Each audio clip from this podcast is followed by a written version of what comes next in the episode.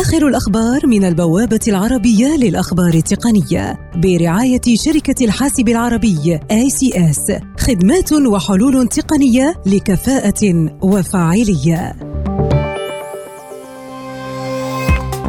تقارير كورية تذكر أن شركة سامسونج تعتزم إطلاق هاتفها الذكي جالكسي فولد القابل للطي الأول قريبا وذلك بعد تأجيل إطلاقه وسحب العينات التي أعطتها لعدد من الصحفيين في وقت سابق إثر ظهور مشكلة في الشاشة. شركة أسوس تعلن عن هاتفها الذكي الأحدث زينفون 6 الذي يمتاز عن سلفه بأنه يقدم تصميما فريدا خاصة فيما يتعلق بآلية الكاميرا ويقدم زينفون 6 الجديد شاشة تملأ الواجهة بلا نتوء والعديد من المزايا.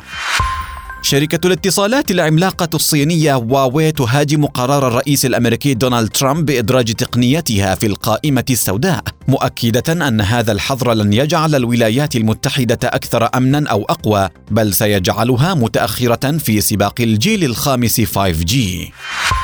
انستغرام تتجه لإغلاق تطبيقها المستقل للتراسل المسمى انستغرام Direct بعد رصد رسالة جديدة في التطبيق تشير إلى الإغلاق في الشهر المقبل وفق مراقبين وذلك قبل نشره عالميا.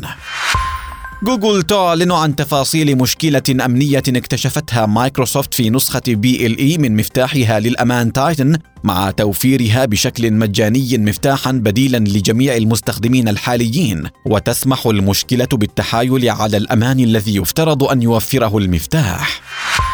فورد تلتزم بتوفير حلول تقنيه تساهم في الحد من الحوادث المرورية إذ باتت العديد من طرازات فورد مجهزة بتقنية المساعدة قبل الاصطدام ونظام الكشف عن المشاة الهادفة إلى تقليل شدة الاصطدام الأمامي ومساعدة السائقين على تجنبه. آخر الأخبار من البوابة العربية للأخبار التقنية برعاية شركة الحاسب العربي ACS خدمات وحلول تقنية لكفاءة وفاعلية لمزيد من تفاصيل هذه الأخبار وأخبار عديدة يمكنكم زيارة موقع البوابة على شبكة الإنترنت aitnews.com